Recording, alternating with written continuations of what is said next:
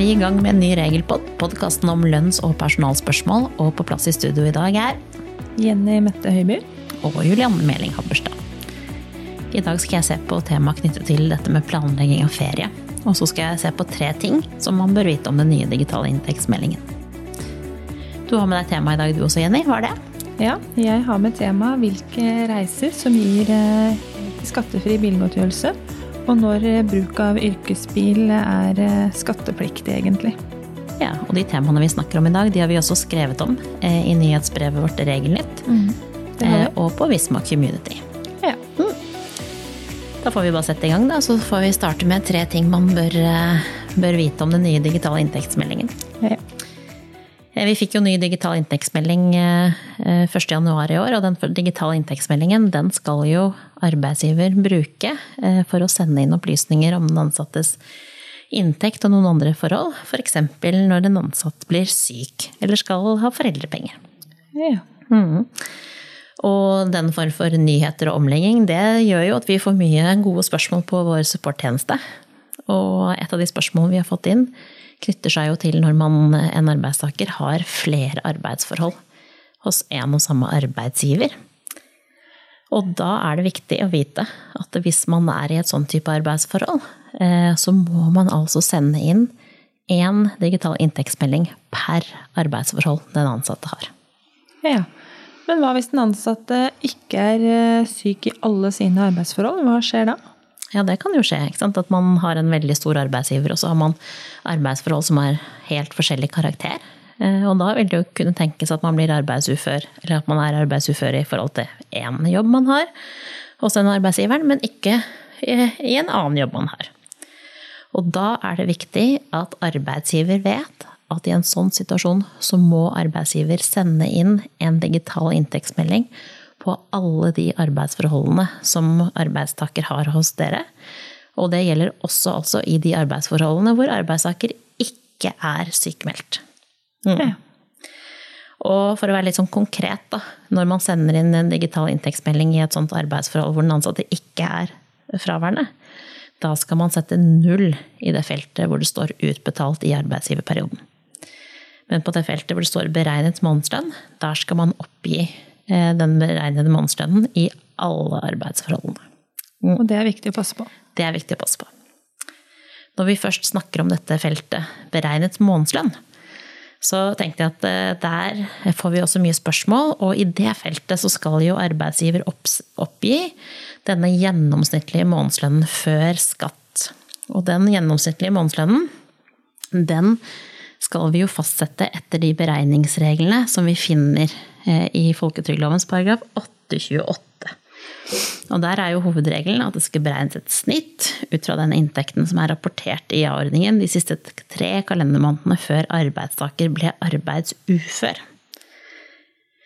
Og mange av disse lønns- og personalsystemene de foreslår jo et tall som skal på en måte eh, fylles ut, eller som er et beregnet månedslønn. Men der er det viktig at arbeidsgiver også husker på at man må ta en kikk på det tallet og være sikker på at det er riktig i henhold til reglene i folketrygdloven. Det er viktig også å merke seg at i dette feltet her, beregnet månedslønn, eh, så skal det alltid oppgis det reelle beløpet arbeidsgiver eh, finner når man har brukt disse beregningsreglene. Det betyr at man skal ikke begrense seg til 6G når man utfyller ut det feltet der. Eh, Nav de kan jo 6G-regelen, sånn at de vil jo selvfølgelig gå inn og justere utbetalingen, selv om dere har fylt inn en månedslønn som overstiger 6G der. Det er fortsatt slik at arbeidsgiver heller ikke trenger å betale sykelønn utover 6G. Ja. Men får dere noen spørsmål fra de som eh, forskutterer lønn da, i forhold til refusjon eh, sykepenger, som krever refusjon? Ja, det vil jeg si vi får ganske mye spørsmål om eh, fra. Eh, da man må jo oppgi på den digitale inntektsmeldingen at man krever refusjon. Og dette refusjonskravet det kan jo være ja, Det varierer jo fra arbeidsgiver til arbeidsgiver. Det kan være hele eller deler av eh, denne beregnede månedslønnen, men det kan aldri være mer enn den beregnede månedsinntekten som arbeidsgiver har, inntekt, eh, har oppgitt da, eh, på inntektsmeldingen.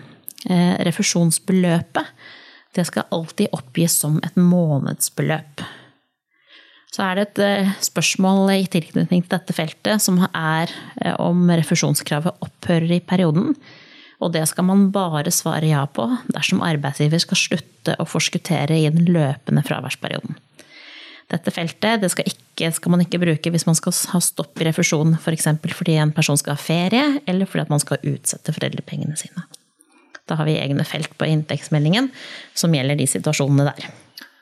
Ja, men eh, det med digital inntektsmelding, det er jo noe dere skal snakke mer om på Lønnsforum, ikke sant Julianne? Ja, nå i vår så skal vi jo ha Lønnsforum. Det er jo et kurs hvor vi reiser rundt i Norge med, eh, med de forskjellige lønns- og personalsystemene. Eh, Hull Lillevik, Visma lønn og payroll. Og da vi på, skal vi se på dette med digital inntektsmelding og en del eh, spørsmål og svar knyttet opp både til regelsiden og til hvordan man håndterer dette i de ulike systemene. Ja, ja. Men et annet tema Jenny, som vi får mye inn hos oss, eh, ikke på personalkontoret mitt, da, men for dere som jobber med skatt, ja. det er jo dette med skattereglene som er knyttet til bruk av bil da, når man er ute i arbeidsgivers tjeneste. Ja, det stemmer. Eh, vi får eh, ofte spørsmål på support, nettopp det med arbeidsgivers dekning av utgifter til bil, enten i form av bilgodtgjørelse, eller hvis det er snakk om yrkesbiler da, som eh, brukes privat. Og her er det da viktig at arbeidsgiver skiller på om det nettopp da er bilgodtgjørelse som utbetales ved bruk av egen bil i tjeneste, og hvorvidt det er ansatte som da har yrkesbiler som skal brukes i tjeneste i utgangspunktet, men også hvor man har muligheten til å bruke disse bilene privat. Ja, Så begrepet bilgodtgjørelse det er altså knyttet til situasjoner når den ansatte bruker sin egen bil? Ja, det stemmer. Eh, yrkesbil er i de tilfeller hvor den ansatte da disponerer arbeidsgivers bil som utgangspunkt i tjeneste. Altså man har fått en yrkesbil fordi man har behov for det for å utføre sine ordinære arbeidsoppgaver, for å si det sånn. Men eh, i tillegg da så hender det jo at disse ansatte har muligheten til å disponere yrkesbilene privat. Og da er det viktig å huske på at det som anses som privat bruk, det skal jo da skattlegges. Ja, og da er det jo også ganske viktig å være sikker på hvilken bruk av en bil som er privat, da. Ja, det er nettopp det. Og i forhold til det med yrkesbiler, så må jo da arbeidsgiver eh, skille på hva er det som anses som arbeidsreiser, og hva er det som anses som yrkesreiser. For utgangspunktet her det er jo da at arbeidsreiser det ses på som privatkjøring og skal skattlegges. Mens det som er yrkesreiser, det ses på som eh, utgifter knytta til tjeneste og skal jo da ikke skattlegges. Eh, arbeidsreiser, da. For å finne skille, så må man jo da klare å skille disse her to fra hverandre. Og arbeidsreiser, det er jo typisk de reisene som foretas fra hjemmet til den ansatte og til eh, det som er vedkommendes faste arbeidssted. Fordi utgangspunktet sånn skatterettslig her, det er jo da som sagt å definere hva er en arbeidsreise kontra en yrkesreise. Og for å klare å avdekke det, så må man vite hva er den ansattes faste arbeidssted, og hva er eventuelle ikke-faste arbeidssteder. Fast arbeidssted, det er jo det stedet hvor den ansatte til daglig jobber, altså kontoret eller det stedet hvor den ansatte utfører sine ordinære arbeidsoppgaver. Og da er det jo sånn at eh, alle vi arbeidstakere må jo komme oss til og fra jobb. Og hvis arbeidsgiver dekker utgifter knytta til den reisa, så er det utgifter som anses som private kostnader. Og hvis arbeidsgiver dekker private kostnader, så er det lønn, altså skattepliktig inntekt. Og nettopp det med arbeidsreiser, dekning av utgifter til den type reise, det anses da som lønn, da.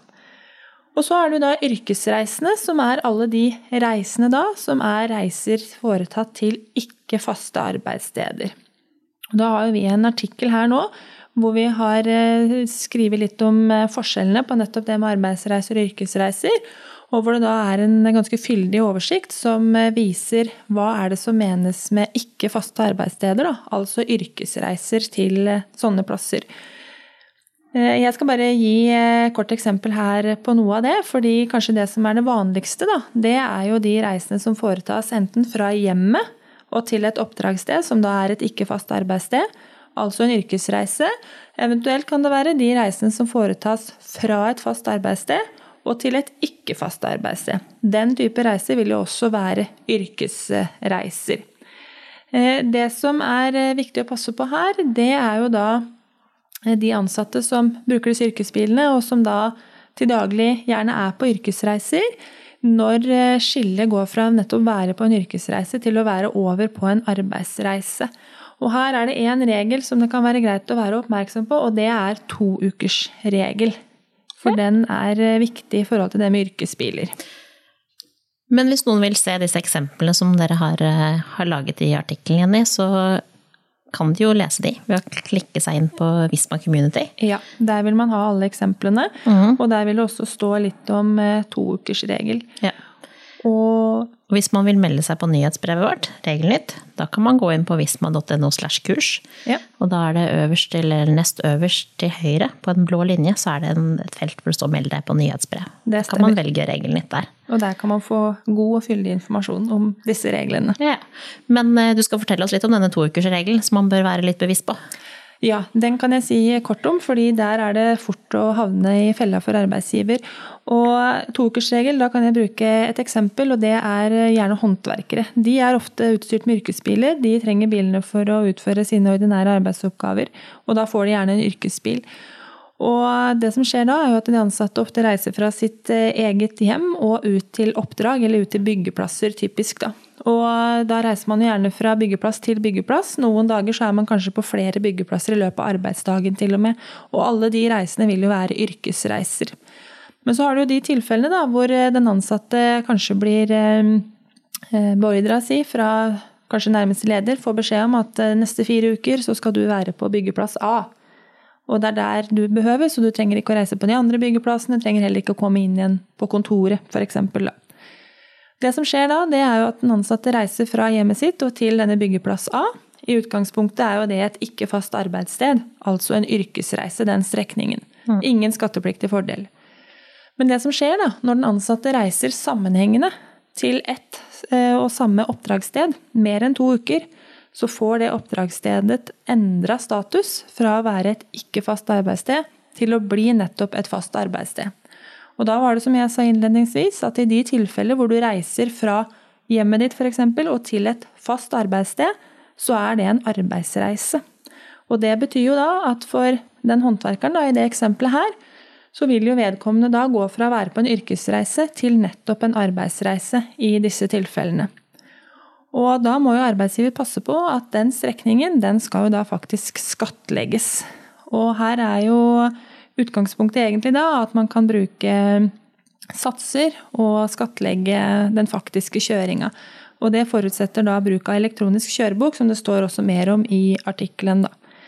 En siste ting som er greit å um, eh, nevne i forhold til det med tokersregelen, da, det er at den har tilbakevirkende kraft. Sånn at eh, for de ansatte som vil komme i en sånn situasjon, så vil da de første to ukene eh, til eh, dette eksempelet byggeplass A, da, vil kjøringa dit eh, være arbeidsreise for hele perioden. Og så blir den perioden først avbrutt ved at den ansatte reiser til et annet oppdrag, eventuelt tilbake på kontoret for å utføre arbeidsoppgaver der osv. Så, videre. mm. så toukersregel er noe å huske på for arbeidsgivere som har ansatte med yrkesbiler. Så dette er jo ganske viktig da, hvis du jobber i en bedrift som har denne type arbeidstakere. Ja, hvis du jobber med lønn og personal, da, da, gjelder det å være litt på ballen i forhold til hvor de ansatte faktisk er. For det vil jo skape ganske mye jobb i etterkant. da. Ja, her er det viktig å ha en god internkontroll i forhold til eh, hvilke ansatte som er på hvilke oppdrag når, mm. og hvor lenge eh, sånn sammenhengende disse oppdragene faktisk varer. Da. Ja, Hva er risikoen med å gjøre feil her, da? Nei, det kan jo være vanskelig å si, men jeg tenker jo at hvis arbeidsgiver ikke snapper opp det med ansatte som er mer enn to uker på samme sted, så vil man jo håndtere skattereglene feil, rett og slett, da, i forhold til det med skattefri bruk av yrkesbilene. Mm. Mm. Skal vi gå over på et hyggelig tema, da? Gå over på ferie? Vi går over på ferie. Mye hyggeligere med ferie. Vi, vi ser frem til det nå, ja. Ehm, det er jo sånn, Jenny, at egentlig så bør jo arbeidsgivere begynne å planlegge sommerens ferieavvikling allerede nå. Eh, og selv om, for selv om arbeidsgiver har styringsrett i forhold til når ferien skal avvikles i løpet av ferieåret, så har jo ferieloven noen begrensninger som gjør at arbeidsgivere må jo begynne planleggingen sin litt tidlig. Så tenkte vi skulle se på de begrensningene, i hvert fall tre av de nå. Den ene begrensningen i forhold til denne retten til å legge ferie for ansatte, det er jo drøftingsplikten. Eh, som medfører at eh, arbeidsgiver i god tid før ferien skal fastsette tidspunkt for eh, ferietid med den enkelte arbeidstakeren. Og hva man mener med god tid, ja det er jo ikke helt godt å si, selvfølgelig. Men eh, poenget her er vel at det skal være, være så tidlig at den ansatte faktisk får mulighet til å påvirke plasseringen av sin ferie. Det er ikke noen regler for hvordan denne drøftingen skal foregå. Men det er jo en plikt for arbeidstaker, sånn at arbeidstaker faktisk blir hørt, da. Den andre forpliktelsen man har, eller begrensningen man har, det er jo at den ansatte kan jo kreve å bli underrettet om feriefastsettingen så tidlig som mulig, og senest to måneder før ferien tar til. Så finnes det et lite unntak fra det. Når særlige grunner tilsier det, så kan man gjøre det kortere, men det er ikke meningen at det skal være noe sånn kurant eh, unntak. Så to månedersregelen må man i utgangspunktet forholde seg til.